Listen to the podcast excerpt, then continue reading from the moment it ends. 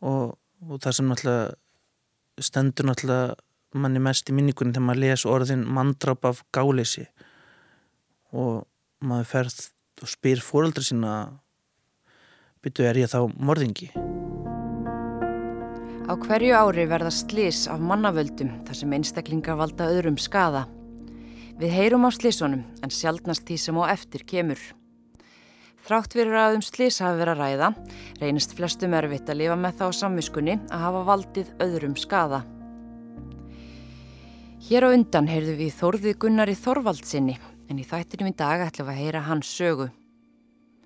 Hann varð konað bana af slísförum, eldri konu sem hann kerði á og ljast af áverkum sínum. Í þættinum í dag ætlum við að fjalla um hvaða áhrif það hefur á fólk að verða valdur af slíku slísi.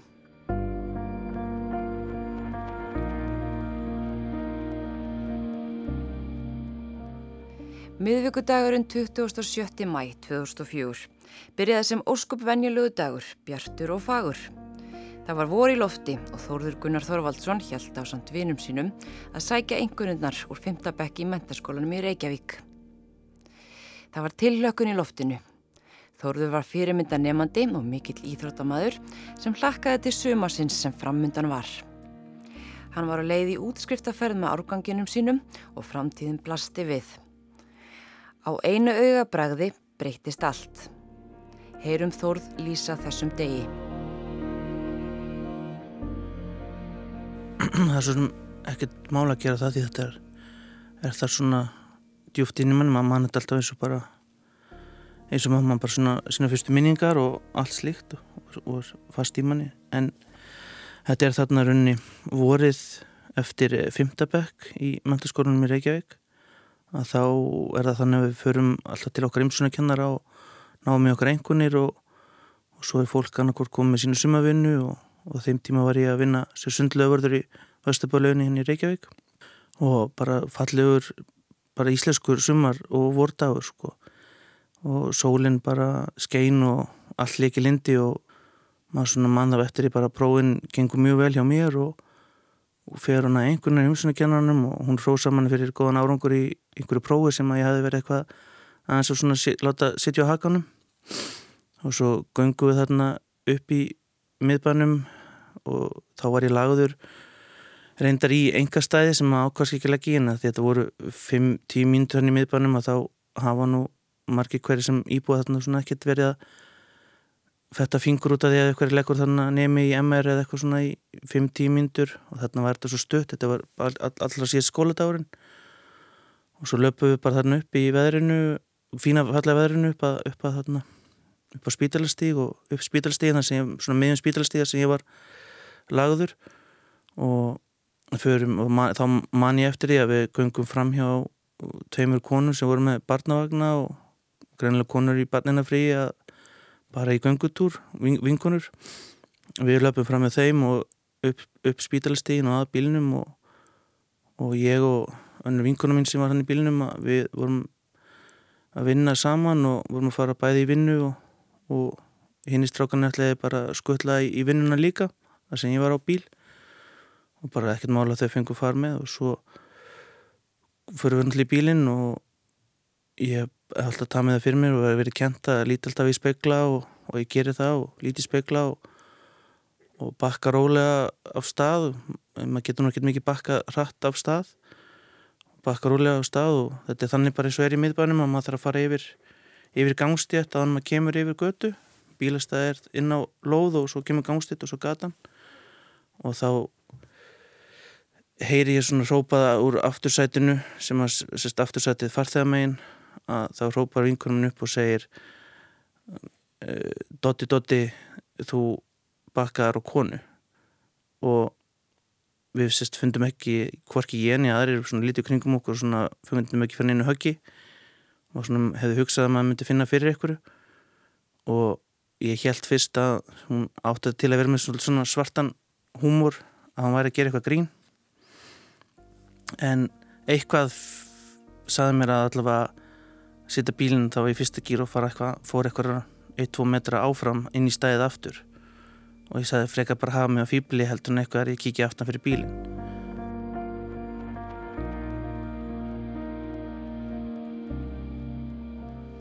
Þórður fór út úr bílnum til þess að aðtöku hvort eitthvað hefði gerst. Hann hafði ekki orðið varfin eitt og bjóst ekki við því að sjá það sem beigðans þegar hann steg út úr bílnum. Þá fer ég út úr bílnum og sé þá konuna líka hálfa á, á götunni og hálfa á gangstéttinni með höfuði þá á götunni. Og sé þá innkömpu póka líka og með brauði og karteblum og eitthvað svona í. Þannig að hún hefur greinlega verið að koma á þingolsbúðinni eða eitthvað slíku verið að versla og fara til síns heima. Og bara var eldri kona og ég mjög, var mjög gummul komin yfir nýrætt og ekki náðu að koma höndum fyrir sig og, og skollið greinilega með höfuðið í þarna í göttunni og við það höfukopi brotnar hún og, og það var mikið, mikið blóð alls þar þannig að fyrsta sem ég geri er að segja allir vinnum minnum að ringi strax á neðlínuna og segi vinkunum minni sækja teppi í bílnum og, og hérna fyrsta hjálparbúða sem var í bílnum. Og ég ætla að passa það inn að halda höfðunum í stabíli og hægt væri þannig að við vorum hann að fyrstu sem veit á fyrstu hjálp. Og, það, og þannig var aðkoman og svo komu þessar tvær konur með, sem voru með barnavannan sem ég nefndi fyrir í, í sögunni að, að ég með minnir önnur þeirra hafi nú verið hjókunarfræðingur og hún aðstofaði eitthvað. Og og í rauninni held alltaf höfðunni bara skorðuðu að því að öllum líkinum hvort hún hefði hálsbrotnað eða eitthvað slíku að, að halda því stabílu og, og hægt er og þá hafði hún rúglega öllum líkinum högubbrotnað og blætt inn á heila og annarkort blætt út eða blætt og þrýst mikið á heila og hún mista á þann alla möguleika og starfsemunum til þess að geta dreyð andan en hún var allavega lifandi þegar sjúkarflutningamennin bara gardi og maður maður svona er í svona panik ástandi maður veit ekki rauninni hvað er, hvað er eiginlega ske og fyrir mér fannst mér allir hlutir bara eins og maður sér í, í, í bíomöndunum þegar hægist á öllu. Og allir hlutir gerast droslega hægt og þetta sé gerast frekar hratt. En með mann eftir þessir, þessir 10-12 mínútur á þannig að sjúkrarbílinn kom að þetta svona þetta var eins og tveir klukkutímar í, í mínum huga. Bara byðin var endalus Byðin eftir sjúkrabílunum var ekki laung en í minningunni var hún endalus Þeir koma hana sjúkraflutningamennir og, og taka raunni bara við. Og, og þá má hann bara eftir, eftir því að ég stend upp og, og stúlk aðri krakkar eru að koma úr skólinum og sjá náttúrulega sjúkrabíla allt annað og, félaga sína sem að þau hafa þekkt bara ekki um skólinn og þá komu nú hlaupandi einn stúlka sem veði verið í skátunum mikið og, og er læknir í dag. Og þakka hann alltaf mikið fyrir og hún þekkti mikið til rauninni hvernig kerfið var og hún tekur alveg utanum mig og, og ég svona sest þarna við grindverk með bakið fyrir grindverk og horfur svona inn að öllu hafarínu með alblóðar hendur og maður bara svona bara, bara veit eitt hvað hefur komið upp á. Og og svo kemur eitt sjúkarflýtningamæðurinn og spyr hvort ég vil ekki koma með og fara upp á bráðmáttöku og, og fá áfallahjálp. Og hún bara minnstæðist að þetta orð bara ég hef aldrei hert þetta orð áfallahjálp. Og ég sagði bara nei, nei, nei, nei. En en þessi stúlka kvatti mig til að fara með þannig ég fór þá með öðrum sjúkrabílum sem leggur það rauninni fyrir að stað til að held ég að reyðja umferðana og fer með honum og svo kemur hinn sjúkrabílum til að fljóta eftir brunandi og, og þá fer ég upp á bráðmáttöku inn á svona aðstændanda herbriki þar og þar býð ég og, og fæ þá spyr hjúkunarfræðingu sem er hann markvar ég vil ekki ringi í eitthvað og Ég ringi þá í, í föðuminn sem er, er dýralæknir. Fadir Þórðar var í vinnu og gæti ekki svara símanum strax. Mammas var erlendis og Þórði fannst hann standa algjörlega einn. Hann var í áfalli en gerði sér ekki grein fyrir því strax hversu mikil áhrif þetta ætti eftir að hafa á hann. Hann ringdi í móðu sýstu sína sem kom til hans á spítalan. Hún kemur og er þannig með mér á, á bráðmóttugunni að bara býða hverjum hvað næstu skref eru og svo kemur komu lauruglan og tekur af skýrslu og spyr hvað hefur komið fyrir og og ég alltaf bara reyndi að og verið alveg þannig upp að maður þá bara segir satt og rétt frá þegar lauraglann gemur og spyr maður hann í hvað, hvað hefur átt sér stað. Og hún tekur skýrslu og, og upp, upp, upp, upp frá því var það raunin ekkert neitt meira. En svo, svo eftir að því hefur lókið að þá heyri ég bara að, að eitthvað aðstandendum þessarar konu sem að ég hafði bakkað á og valdi þessum skada að þeim hafi tekist að koma komast neyra bráðmáttöku til hennar. Og hún var þá með auðvundarlegs en svo heyri ég það raunin svo bara setna um, um kvöldið í kvöldfréttunum í útarpunni að, að þannig að hún hefði bara hefði rátist upp á, upp á spítala. Og það náttúrulega brotna maður alveg niður og veit ekkert hvað er að gerast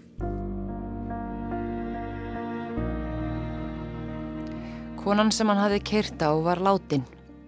Hún var tæplega nýræð, var líklega að koma úr matveru búðskamt frá og virðist ekki hafa geta sett hendurna fyrir sig þegar bakka var á hana. Konurnar tvær með barnavagnana höfðu reynd að kalla konuna að passa sig en hún virðist ekki hafa heyrtað.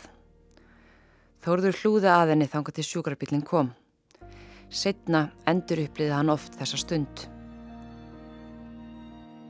Ég man eftir að bílinn var alltaf á á spítalastígu þannig á meðan. Og eftir að við erum búin að fóra leiði þannig eftir að lauruglan hefði komað bráðmáttökuna að reyfa bílinn þá ætlaði ég ekki að gera sömu mistök og ég hefði lendið því ef hún var aðeins yngri að þá hefði dóttið ílla á hefspæki og, og ekki þórað að fara aftur og bak. Og hefur alltaf verið svona bóur í mér með það.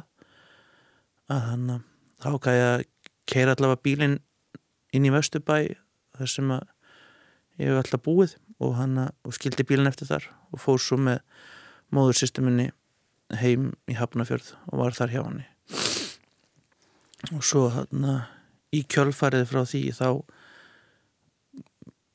er það presturinn í, í Neskirkju sem hefur samband og næra hafa samband við við móðursystemina og, og spyrja hvort ég vilji koma og tala við hann og, og manni finnst þetta allt svo, svo skrítið maður svona þessi ákveðin protokoll en maður, svo maður orðið komast að það fer eitthvað að stað og maður þekkir þetta ekki. Og maður ætla alltaf að segja og ég sagði alltaf bara nei við öllu og akkur þar ég að tala við prestin akkur tala við hinn og þennan? Hvað er eiginlega gangi? En ég man á móðursýstum mín hvað þetta með til þess að, að ég hitti þarna. Ég myndi hitta prestin daginn eftir sem að við gerum. En daginn eftir eftir að við tölum um prestina þá fer ég til pappa sem býr upp í Árbæ og var síðan hjá honum þá til að mamma kemur. Þóruður reynda láta eins og ekkert hefði ískorist hann vann mikið þetta sumar og skemmti sig með vinnum sínum. Undir niðri kraumaði þó megn vannlíðan sem hann vildi ekki viðkenna út á við leit allt eins og það væri lægi. Sumari leið og yfir honum vofði þessi atbyrður Það reyndi að hafa nóg að gera, var mikið með vinum sínum og þegar þeir hittust talaði engin um slesið. Í kjálfari verða alls konar skýslutökur en ég helli mér unni beint bara svo í vinnu og vinn mikið og ég man líka þetta sumar að þá ég var svo sem ekkert að, að drekka áfengi á hverjum einasta degi langt, langt í frá en ég var svona þessi þessi helgar byttarunni og helgar jammari jammaði mjög stíft og jammaði mjög mikið allavega þetta sumar og, og drakk ítla og svo var svona satt í manni að við vorum að fara í úskriftaferð til Kroatíu allir árgangurinn í MR um, í ágúst. Og það var svona spurning bara maður var svona lokaður með að má ég fara? spurði ég fólkarna á ég að fara? Finnst ykkur að sniðugt og maður svona fór eitthvað að hugsa hvort maður ætti að setja all lífið sitt á, á pásu og meðan svona gengi yfir Hvernig leiðir það þessum tíma? Maður, verður dofin maður svona áttar sig ekki rauninni almenna á því hvað hefur komið fyrir og maður er alltaf að þannig koma upp alls og koma upp alls konar spurningar bæði fóreldrana fólki kringum mann og lauruglunar skýslutökur voru alveg ég hef farið fjóru-fimm sinnum að gefa skýrslu og segja, segja frá mín frásögn hvort það hafi eitthvað greinlega hvort það hafi eitthvað verið misræmi í minni frásögn frá upphafið til síðustu skýslutökunar og maður þá alltaf að fara yfir hlutina í, í haustnum og maður fyrir að velta þessi leiti örglega í speklana, voru speklanir rétt stiltir, var ég að fara af bakkar og hratta stað fann ég fyrir, funduði fyrir höggi. Og gerði ég rétt með að reyna að fara eitthvað að koma við hana eftir að ég, ég var, var þess vara að hún láð þannig í götunni konan. Og alls, all, all, allir svona hluti ferðu bara á bara endutekningu bara eins og sérst að horfa á sömu bíomundin aftur og aftur og aftur. Þú fyrir bara að hugsa öll smáatriði. Og það verður svona dofi og, og þú fyrir líka og þú lókast svolítið inn í þig og því finnst óþægilegt að eða mér fannst það allavega að tala um hlutina trekki, trekki, trekk en, og allt þetta umstanga að fá aðstóð og tala við hinn og, hinn og þennan finnst manni vola skrítið. Maður, við ætlaði bara að fara þetta á nefanum og, og hugsaði bara ég þarf ekkert svona hjálpa að halda þín aðstóð og svo náttúrulega vininir ekki að það hafi eitthvað óskrifu reglaði þannig en ég var bara var mikið sókn í að vera með öðru fólki og þá sókn með heldurinn fjölskyldunni. Og ég mjög, var, og er mjög heppin að eiga frábæra vini og allir mjög mjög miklu keppnismenn og vilja hafa náðu miklum árangri í skóla og, og í sínum íþróttum. Og allt, allt klárir strákar og, og stelpur. Og það var eins og væri svona eins og óskrifur regla að það var aldrei talað um þetta innan hópsins og, og þá leiði mér alltaf mjög, mjög vel þannig, en það var alltaf sóknin í, í að fara ekkert og ekki vera heima og ef ég var mikið heima hjá pappa, hjá mömmu og þá leiði mér vera þar með fæstu svo það væri eitthvað að fara að tala um þetta og eitthvað og þá vildi ég bara fara út og upphefst svona mikið reyfrildi að fá bílinn lánaðan og fara og, og vera mikið með strákonum eða þá var það bara svona stráka hangs mikið og svo fara neyri bæ og tjama og drekka um helgar Það myndur þú segja að lífið þetta hafi gjört breyst þannan dag? Já auðvitað gerir það það því að þú ég lýsist alltaf þannig að eins og þú standi, standir á teppi og og ég sem ungur aukumæður og allir aðri sem eru út í umferðinni með, með sínu aukuréttindi að ma maður fer í aukuskólan og maður lærir að keira og maður segir alltaf sjálf að segja ég ætla nú ekki að keira úr hratt og ég ætla ekki að vera valdur á nynnu slísi eða banaslísi og ég var mikið í Íþróttum á þessum tíma og maður held að gengi vel í skóla og og gekk vel í, í sundíþróttinni. Að þannig bara á einu, an, einu bara augnabliki að þá henni svo einhver hafið tóðað í teppið sem þú stendur á og þú fellur bara hún í djúbu hólu og þú kemst ekki upp úr henni. Og þessi djúbu hóla verður alltaf dý, dýbri og dýbri og dýbri og þannig, þannig fannst mér að þetta hafi breyst. En en tímina ég hef aldrei verið kvíðin eða kvíðin fyrir próf eða kvíðin fyrir að keppa eða kvíðin fyrir að koma fram eða eitthvað slíkt. En þarna rauninni á þessu tímbili verður alltaf rauninni þessi flótti frá veruleikunum og flótti frá því sem þú átt að vera að díla við. Að, mörguleiti þannig að þá það sem gerist að ég var rauninni hann í fymta bekk í MR og ætti að vera að fara að útskrifast á árið senna að ég fresta útskriftinu minni. Þannig að þetta síðasta skóla ár þá er þetta um skóla árið 2004-2005 ég átti það útskrifast vorið 2005 var rosalega erfitt.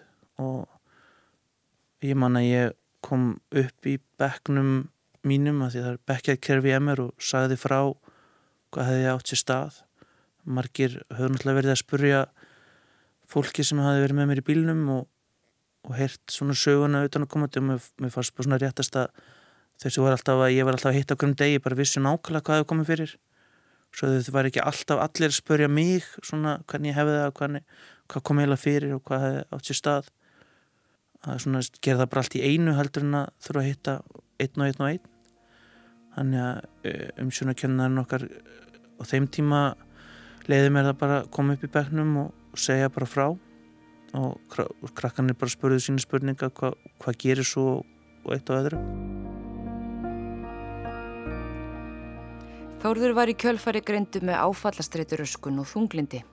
Þunglindið og kvíðin ágerðust hjá honum. Þórður vonaðist í fyrstu til hann er ekki ákerðu fyrir málið, heldur væri það bara slis. Það tók mikið á hann að máli skildi fara fyrir dómstóla og hann var dæmdur fyrir það. Og þannig þetta skóla ár þannig metur þá fer ég þannig fyrir dómstóla í Reykjavík í hérna í hérastóm og máli tekið upp þar. Og, og svo verð dóm, dómurinnurinn kemur hann upp þannig rétt að hann í fyrir stúdinspróf og, og það var mjög mikið sjokk því að runni dofin og óáttuninunni hvað hefur átt sér stað er svo mikil þarna á þessum tímapunkti að ég hann að gerum aldrei grein fyrir því fyrir að ég fara að lesa runni dómin og annað svart og hvítu og, og það sem náttúrulega stendur náttúrulega manni mest í minningunni þegar maður les orðin mandrap af gáleysi og maður ferð og spyr fóröldra sína byrju er ég þá morðingi? Að því að manni finnst þessi þetta orðatiltæki og eins á ennskuna er það manslaughter þetta er rúslega rúslega sterk orð. Þó að þó að nú eigi með að gálesi að það hafi verið slís átt í stað að það svona gefur þetta kynna. En maður kannski áttar sig ekki alveg á því og horfir bara á orðið mandráp og eitthvað sem maður hefur aldrei hugsað sér um að gera nok nokkrum manni eða nokkrum í lífinu. Og maður myndi ekki óska sínum einu sinni versta óvinni að lenda í því sem að ég þurfti að upplifa. Og, og yngri mannesku en maður fyrir bara svona að velta þessum orðin fyrir sér og það, það, það allt innu kem kveikir þá upp þessari þessum kvíða og ótta og, og manni finnist maður ekkert eiga, eiga að vera meðal fólks gangum götunar eða annað. Eða þann, þannig leið mér allavega. Samkvæmt í lagarama þarf, þarf að finna sökudólkin og í þessu tilfelli er það ég. Og eitthvað stær í kerfinu er eitthvað lagarami og reglugjari sem þetta er að nota og beita til að refsa ykkurum og ríkinu þessast þá hérastómara og hérastómstól fannst að þá er rétt að þurfa þá að refsa mér á einhverju leiti Hvað fyrstu langan dóm? Ég fekk uh, tveggjóra aukuleifisvittingu þryggjamána skiljarspundi dóm og mér bara að borga allan sektor og sagakostnað sem held ég að hafa verið eitthvað um 800 eða 900 tæp miljón á þeim tíma. Og erfiðast var að vera dæmdur fyrir þetta og eins og þetta var orðað. Það var fyrst og fremst bara að maður dæmdur fyrir manndráp af gáleysi. Og manni finnst svona auðvitað er þetta kannski bara, þetta bara orðatiltæki og orð sem, not, orð sem eru nótuð í, í lagalegum tilgangi en mann sem ungum maður og annar mann finnst þetta svona að vera mann finnst þetta svo sterk orð. Maður sér veist, maður lesa texta maður að horfa á bíómyndir eða að horfa á þætti hvort sem maður er eitthvað í sagamála þættir að tala um mandráp og morðingja og hitt og þetta mann finnst þetta, þetta, þetta er nú bara eitthvað sem gerist brot í heimi og á ekkert að gerist, gerist ekkert fyrir mann sjálfan. En svo eitt daginn er, er þú aðlinn sem að þetta kemur fyrir og þú ert þá dæmdur fyrir þá mandráp og en auðvitað veit ég náttúrulega betur í dag og og er ekkert að dæma ekkert sjálfum mig og er ekkert að refsa sjálfum minni á þann hátt sem ég gerði með, með drikju og, og vittleysiskap og, og vera refsa auðvitað upp var mikið reyfrildi og erfitt heima fyrir og og beitti þarna mömmu sem að gera þetta ekkert annað til að vera til staða fyrir mann andlegu ofbeldi. Og ég er svona mest sárastur yfir, yfir því þar sem hún hefur alltaf verið til staðar. En við mækinn höfum ekkert annað en bara styrt okkar samband og erum mjög góði vinir í dag og, og höfum alltaf verið Heyrum meira söguð þórðar á eftir, en upplifun hans er ekki einstæmi fyrir þá sem valda slísi sem veldur öðrum skada. Sér að Vigfús Bjarni Albertsson, sjúkrahúsprestur, hefur hjálpað mörgum sem hafa sambarilega reynslu og þórður. Það kemur alltaf nokkur sinnum fyrir ári að, að maður fer inn í svona mál þar sem eru, getum left okkur að segja þessu fleiri en þólendur slísins, það er líka þeir sem hafa á einhvern hátt eru taldir hafa valdið slísum eða atbyrðurás á þess að hafa beina vilja til þess. Þannig að það þarf að sinna til slíku fólki líka, þetta er mikil þjáning. Hvernig upplifa þessir einstaklingar þetta? Ég ég held að hérna ég held að bara vitna í vitna í eina manneski sem sagði að það bara að veröldin var gjör breytt eftir svona stutt andartak í lífinu þar sem hugur var einhverstur annar staðar og svo gerðist atbyrður sem gjör breytur öllu. Og þetta er kannski svona sorg og sektakent sem að ja, þið finnst þú ekki megi að bera? Ég sko það er ekki létt að fá uh, þú hefur kannski valdið slísis, tökum það bara sem dæmi og það er þólandi slísinu sem ég ætla að lífið og annað slíkt að að uh, það er ekki létt að, að fá kannski endilega skilning og það er ekki, það er ekki endilega létt að tala um þær tilfinningar sem því fylgja. Auðvitað sirkju þú þá atbyrgar sem hefur átt sér stað og hefur aldrei vilja og myndi eiga sér stað og þú finnur til með fjölskyldnum viðkomandi og annað slikt en um leið ertu fullur eftirsjári við því að hafa valdið einhverju. Og fer fólk oft illa út úr svona? Sko sektakendi er mjög áhugaverð tilfinning. Við höfum all fundið fyrir henni eða flest höfum fundið fyrir henni. Og ég sem þetta skiptis í tvent að tala um sektakend sem er vegna þess að maður hefur valdið einhverju.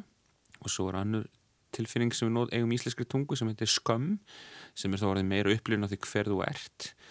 Og mér finnst maður mæta báðum þessum tilfinningum hjá fólki sem hefur á einhvern nátt gæst gerendur með, með óviljandi hætti og þetta eru mjög orgufrekka tilfinningar að það leggja allt undir sig. Og allir erfiri reynslu fylgir einmannalegi og ennfreka þegar þú ert með einhverja reynslu sem getur ekki alveg að tala um og veist ekki hvort þú fær skilninga eða hvort að fólk er tilbúið að hlusta á. Og þannig að það er mjög langt svona langt uppbyggingaferðarlega framöndan hjá fólki sem glýma við svona tilfinningar. Hvernig fer það fram? Já, maður óska sér alltaf að fólk fái sér aðstóð því að ég, ég er svona sagt með sektakendina því maður hittir svo oft fólk sem glýmið einhvers konar sektakend og hún er ekki endilega röggrætt tilfinning en hún getur alltaf verið mjög röggrætt þegar við erum að tala um atbyrð eins og þú ert svolítið að fjalla um. Að þú röggræðir hann ekki við fólk þú, þú, þú hamast ekki fólki með hana. Fólk þarf einhvern veginn að fá að viðrun og það þarf að tala oft um hann og það þarf að koma ofta að henni. Og hún vitir að mann kannski ekki endilega með skipilum hætti, hún kemur og fer þannig að maður óskast sér alltaf að fólk fái aðstöð sem fjalli um það að það fái örugan stað til að tjá og, og tala um það hvernig þið líður með að það er að vinda ofan þessu tilfinningarlífi sinu en ég held nú fari aldrei alveg. Maður læri þá einhvern veginn að lifa með henni og ná einhvers konar svona grunn sjálfsátt. Þannig að þetta er oft eitthvað svona tilfinning sem að fólk burðast með eða reynsla sem fólk burðast með svona alveg í gegnum lífið? Það gæti gert það, já Ég hef oft hitt fólk sem hefur burðast með sagt að kendi gegnum all lífið. Út af svona atbyrðum? Út af svona atbyrðum. E, þarf ekki endilega að vera út af svona atbyrðum. Það getur líka bara verið tilfinningar eins og það hafa að lifa eitthvað af en, en aðri lifuð ekki af. Þetta er ekki raugrætt tilfinningar. Það finnst maður að hafa brúðist einhverjum í lífinu og tilvörunni. Ég held að allir fóreldrar þekki það að hafa klímtið sagt að kend. Veikindi batna geta bútið sagt að kendi fóreldrum. Eins og segja, þetta er ekki raugrætt tilfinningar, það bara eru en að einhvern hátt upplefa sig sem geranda og vera á einhvern hátt gerandi einhverjum atbróðs þannig að það sé óumdellegt, já, ég finnst fólk glíma alveg, það fylgir fólki. En það er að byrja okkur skilda einhvern veginn að hjálpa fólki þannig að ég veit ekki líf fólks. Þá fer þá, verða, þá fer líf fólks. Þetta er það orgu frekar tilfinningar. Hefur þið séð þannig dæmi? Já, ég hef kynst fólki sem hefur mist lífstjæði sín út af atbyrð það sem það einhvern hátt var gerandi í Hefur jáfnvel tekið þig í líf? Ég hef ekki, hef á ekki, ég á ekki beina reynsla því þó ég hef heyrt um slíka hluti en, en ég hef oft hug, heyrt fólk með slíka reynslu segja mér það að það hafi oft huglegt að taka þig í líf. En uh, þegar að koma upp svona mál og fólk er að reyna að, er svona atbyrðu gerast og fólk er að reyna að leita sátta við sjálft sig. Já, ég, svona, svona ákveði svona fyrirkjafningaferðli þú ert að reyna að tengja sjálfur og nýjan hátt og geta að lifa með sjálfur sér Stundum eru þólendur og gerendur leittir saman í þeim tilgangi að finna sátt við það sem gerðist. Málin eru misjöfn, miserfið og ekki er alltaf viljið til þess að sættast við viðkomandi. Já, það gerir stundum og, og sjálfur sér það getur það verið mjög æskilegt ferli en það þarf alltaf að gerast á fósundum að sjálfsögðu þólandans. Eh, það er eitthvað sem má ekki má þvinga þólanda í. Ég, ég til dæmis reynsla því þegar ölv, að ölfunækstur þessum gerandi sem sannlega er gerandi hefur farið og fund með þólanda sínum eða fjölskyldu þólanda síns. Og þá verður það að gerast algjörlega fórsendum fjölskyldunar að þessum er þólandi og það verður að vera að gerast að þann hátt að, að þólendur þurfu ekki að þóla meira heldur það er viðkomandi gerandi þarf að gera sig grein fyrir því að hann er að fara að hitta fólk sem ber mjög þungar og erfiða tilfinningur og það þarf að virða þær. En þetta, ég hef líka séð þetta ekki búið til heilun þar sem fólk hefur einhvern veginn lagt sér flatt og, og, og gert upp málun og byggðist afsökunar eins og hættir ætlasti þess við svona aðstæður. Og þetta hef ekki verið mikil samtöl þetta hefur oft verið þóland þólandin að fá tækifæri til að tala um það sem hann eða hún hefur upplifað og það tilfinningar sem hún ber og það er þá meira að gera þess að hlusta á það. En eins og með eins og þarna stundum eru stundum eru þetta banaslis Já. þá eru kannski aðstandendur sem að eru reyðir Já, út í gerandan Já. E, hefur þið séð dæmi þar sem að, að það svona gefur báðum aðilum mikið að hittast og tala um þessu luti Já, þegar, þetta hefur verið tímabært á þann hátt að þólandinu gerir sér grein fyrir því að hann er að fara að tala við fólk sem hefur liðið og hefur þjáðst og það er þeirra fundurinn er meira um þau og uh, já, ég hef segið þetta að búa til heilun fyrir báða aðla þegar hann er tímabærin. Svona fundur verður að gerast þegar báður aðla tilbúinir og getur ekki gæst akkurat þegar svona slís eða svona hlutir er raunverulega bara rétt að gerast sko. Það er algjörlega ótíðanbært. En átta uh, aðstandendur sig eða þólendur alltaf á því hvað hva sko gerandin er kannski að gangi gegnum? Nei, og eðlega ekki. Eðlega eru þólundur bara mjög uppteknir af sinni þjáningu og, og þurfa bara að fá sinn tíma til að vera í sinni þjáningu áður en þau geta að hugsa það eitthvað lengra. Mér finnst það skiljanlegt og að því við notum orðið fyrirgefning sem ég áhugavert orð þá verður, held ég að maður verður alltaf að líta fyrirgefningu sem ferlin ekki atburð og fólk þarf bara sinn tíma til að fá dvelli í sinni þjáningu áður en getur einhver tíma sett í spór annar það er svona, getur við líka verið hluti af að bata uh, gerandans að gera skrein fyrir því að veita þólum með því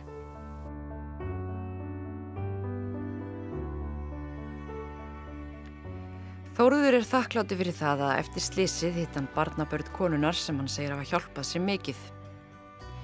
Ættingar hennar vildu hins vegar ekki að hann kæmi í jarðaföruna, nokkuð sem hann skildi vel þó hann hefði viljað votta henni virðingu sína á þennan hátt það satt mér alltaf í mér þannig að þetta, þetta slís og að geta hjálpa ekkurum og bjarga ekkurum og vita jáfnvel ennþá meira hvað maður ætti að gera á svona slístað og þá hafði ég á þeim tímabóndi reynd að komast í ræknadelt í Háskóla Íslands og tekið indökuprófið en verið alltaf svona í svona 60. 70. 70. sæti af þessu indökuprófi og ekkert verið fjarrri frá því en en greinilega alltaf eitthvað sem vantaði upp á. Og fer þá í hjúkurnafræði og er þar í rúmt 1,5 ára í hjúkurnafræði aður en ég tek þá þess að á þeim tíum búin ákvörðuna að fara út til Ungarlands og Lærlandsfræði þar. Og þar var eiginlega bara hugsunin á þessu tímböli 24 að það bara að búa til eitthvað svona nýtt líf eitthvað starfanstæðar að fara að hitta fólk sem að þekkir ekki mann sögu og ekki alltaf velta fyrir sig hvernig maður hefur það. Æj, umíkja þorður hann lendi í þessu slísi eða hann er að þarf að díla við þessa hluti. Heldur bara byrja bara frá núli og svona starta upp á nýtt. Hvernig gekk það? Það auðvitað var það mjög gott af mörguleiti og maður, maður þróskast mjög mikið við að fara út til útlanda í nám. En þarna var ég bara ennþá að, að díla við þessa áfallastreitu og, og þunglindi sem var magnaðist og stigmannaðist húnni frekar úti. Og ég man fyrstu 2-3 árin út í Ungarlandi að þá byrjuður henni allar þessar lígar og þá var ég aðalega bara vestur þeim sem stóði mig næst. Þá er með fóreldrana og svo vinna að maður sá aðra vinni síni sem voru orðinir lögfræðingar eða ílögfræði eða, eða kláru læknisfræði eða kominir í læknir til þá í og maður uppliði allt sig sem svona eftirbátt vinna sinna. Og fólks í kringum hann sem var að ganga vel. Að maður fór þá alltaf að segja til um að allt líki lindi þegar það gerði það ekki. Og að prófin sem ég var í að það gengir úslega vel og, og, og mér var alveg að skila þokkulum árangri og ná þessum prófum. En, en svo var það bara þannig að að ég var bara einu tilneittur hann að uh, skóla árið 2011-2012 og þá setur bara lín Lánas og Ísleika námsmanna með fóti fyrir dyrnar þannig að það hefur ekkert verið búið að skila neinum nægilega góðum námsárangri að þú ert bara að borga þá skólagjaldalánið þitt og annað tilbaka og þá var ég nefnum nefnum tilneitu til þess að koma heim og svona hugsa minn gang og endur skoða allt ferlið Þórður sög djútt í þunglindi og slísi hafði mikil áhrif á lífans Hann var líka reyður. Reyður yfir að þetta hefði komið fyrir hann. Hann hugsaði tilbaka hvort hann hefði geta gert eitthvað öðruvísi og fannst ósangert að hann hefði þurft að lenda í þessu. Reyðina tók hann meðal hans út á móður sinni. Sakað hann um að hafi ekki verið til staða fyrir hann þegar hann þurfti á hann að halda. Segja má að lífans hafi allt gjör breyst þennan dag. Hann var ekki sami maður fyrir og eftir slésið. Hann var tíndur, drakk mikið og djammaði hugsaði ítla um sig og í rauninni gerðan hvaðan gat þess að forðast að hugsa um hvað hefði gerst. Hann sökt júft í þunglind og kvíða. Hann átti sér draum um að láta gott af sér leiða og verða læknir. Hann komst ekki inn í læknisfræðina hér heima, en þegar hann var 24 ára gammal byrjaði hann í læknanámi í Ungverjalandi. Hún fannst að frelsandi tilhugsun að komast burt frá Íslandi þar sem svo margt myndan á það sem hafi gerst þar sem hann var þórður sem hafi valdið slísi og orðið konu að bana, dæmdur fyrir manndráp af gáleysi. Og þá upphósturinn er minn svona mín leið af virkilegum bata og svona horfast í augu við að, að ég ætti við eitthvað vandamáli stríða. Ég gæti ekki verið í svona feluleik. Og, og þessi fyrstu 2-3 ár úti enginnust hann er bara að ég mætti ju í skólan og kynist alveg fólki og hef sem betur fyrir átt mjög létt með að kynast fólki en en þegar heima komið þá var ég ekkert að læra og var ekkert að hafa fyrir þessu og, og ég held alltaf að þetta geti bara verið þannig að eins og ég var þegar ég var í, í, í hagaskóla og í MR að þurfti ekkert að læra nema bara einu tímu dögum að læra fyrir próf eða eitthvað, eitthvað slíku. Þá var ég alltaf mjög heppin með þann eiginleika en svo ertu komið þannig að miklu austar og, og það er mjög skólinn er mjög strangur að hann kallar ekki allt ömur sína og gerir mikla kröfur til nefnda og svo sérstaklega í læknisfræði að ég var bara ekkert uppfull af þær kröfur sem þeir voru að setja. Stundum er sagt að það sé ekki hægt að flýja sjálfan sig. Og Þórður fann fyrir því í náminu. Hann átti eftir að gera upp það sem hafi gerst. Hann kom aftur til Ísland svo þurfti að takast á við erfiðar tilfinningar. Ég, já, ég gerir það og, og, leita mér þá hjálpar og, og byrja þá að tala við sálfræðingjana heima og fæ smá sálfræð aðstóð og svona kvartningu í það að, að nú að horfa svona öðrum, öðrum augum á hlutina heldun og horfa, horfa öðrum augum á hlutina heldun ég hef verið að gera það. Og ekki verið að refsa sjálfum mér fyrir eitthvað sem að í rauninni gæti aldrei stemt stígu við ef, ef svo má orðu komast. Og ef málið er að sálfræðingunum bentir líka á að það þýr ekki og eins fólkdurinn er að svona slís og annað mun alltaf hafa ákveðin áhrif og þú mun alltaf muna eftir þeim og það ger ég alveg til dagsins í dag þó þú hugsa ekki svo mikið um þau en það er svona ákveði sem kemur og fer. Að maður á ekki að dveljast í fortíðinni. Fortíðinni er það sem hefur átt sér stað og þú getur ekki breytinni þó maður glæði vildi geta hoppað í tímavél og, og sagt ekki fara inn í bílinn núna farið í bílinn eftir fimm mínútur þegar hún var búin að lappa framhjá eða hvað það er en svo tækni er náttúrulega ekki til staðir í dag. Þannig að maður læri bara að lifa með hlutunum eins og þeirra átt í stað og horfa bara á framtíðina. Og horfa frekar á því hvernig manneskja eða maður eða kona þú vilt vera. Og það er eitthvað sem ég hef alltaf haft að leðaljósi eftir að sá aðli hafi sagt þetta við mig. Og svo þegar ég kem út aftur til Ungurlands að, að þess að gerist þar að þá er ég náttúrulega að dvelja meir megnipart árunnu eh, sem, sem ég hef að gera náttúrulega dvalið náttúrulega meginpartin árunnu þar úti og byrjað, hefur byrjað að núna að vera hjá sérst sálfræðingi úti og hún sá sálfræðingur talar góða ennsku og ég tala náttúrulega ennsku við hana þar þó að að mörguleiti í með svona geran vandamál og, og svona soliðis erfiðleika þá er oftast mælst til þess að reyna að tala á móðumáli fólks mm. en okkur hefur tekist vel til að halda mér þá gangandi í náminu.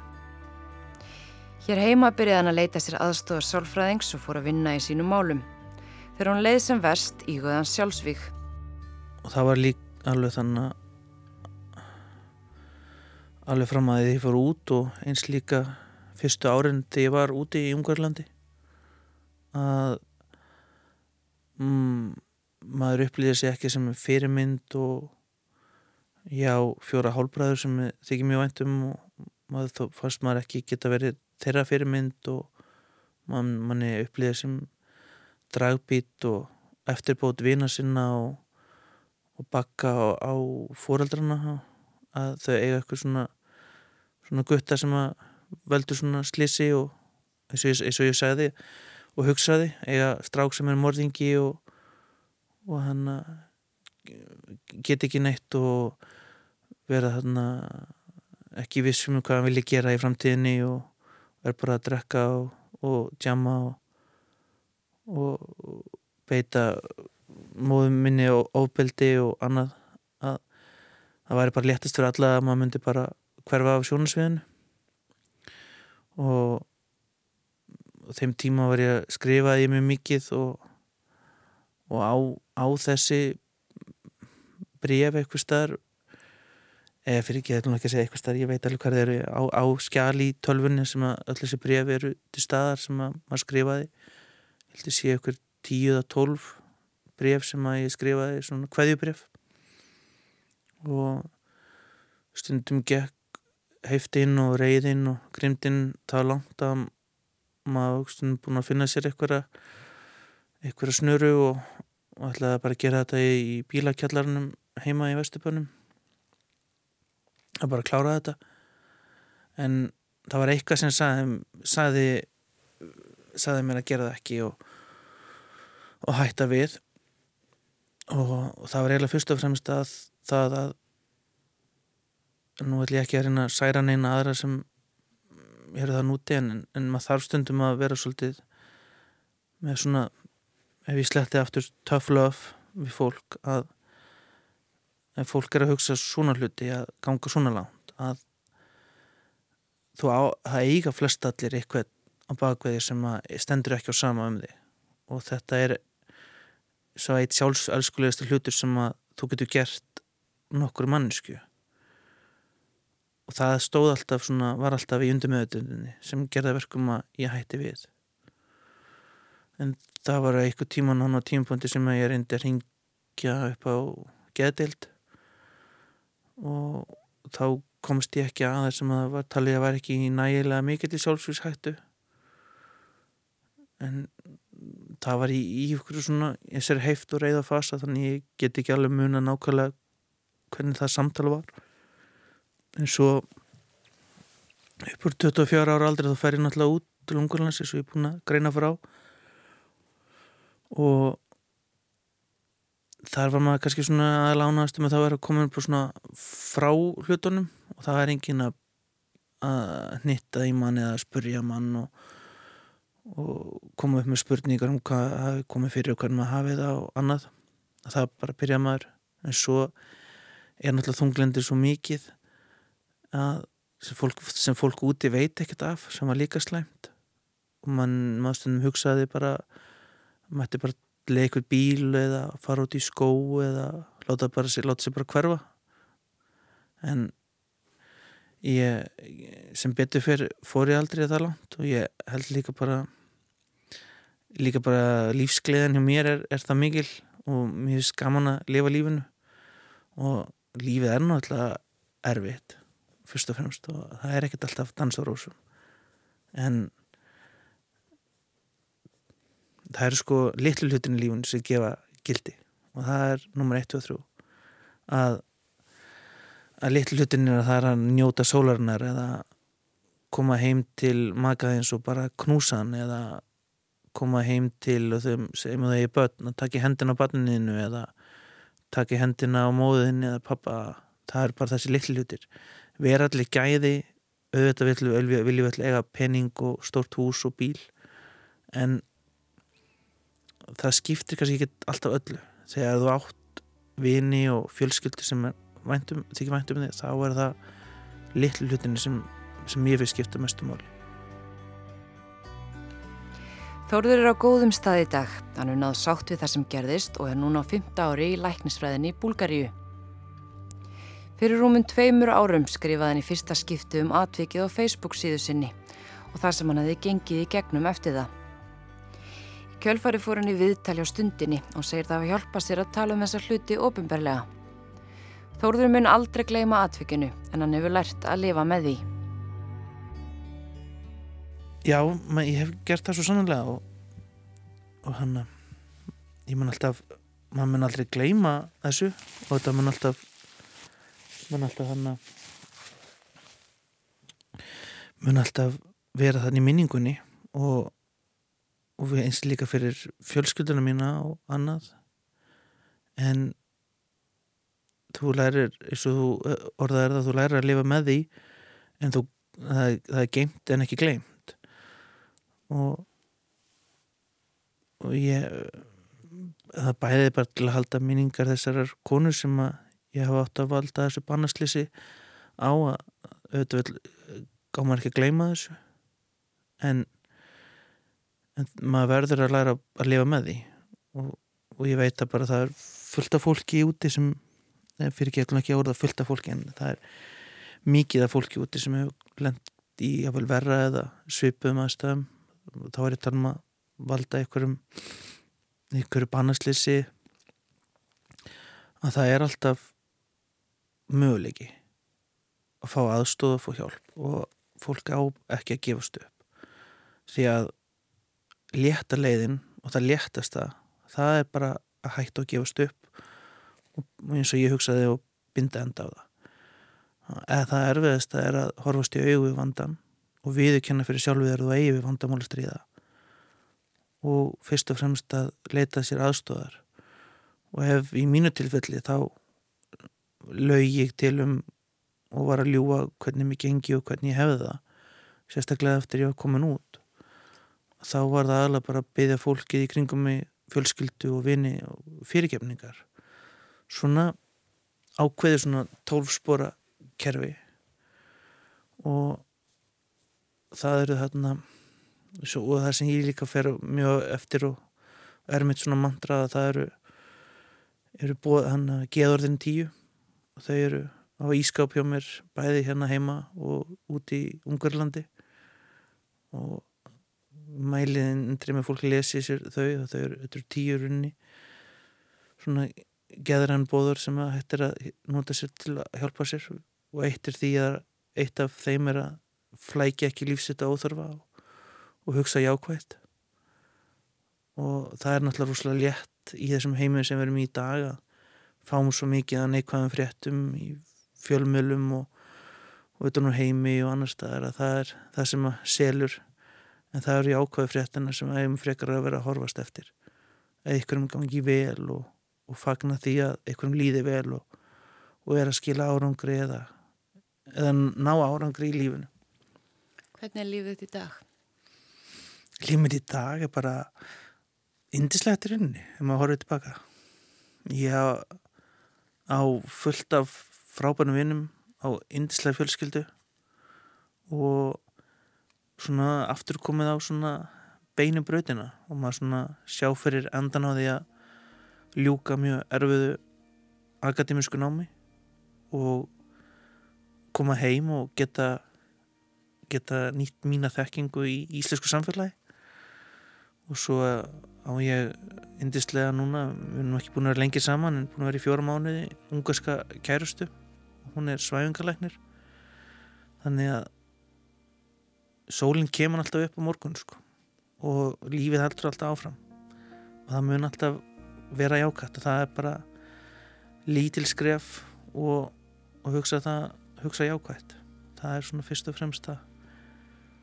Og það er svona það sem ég haf haldið í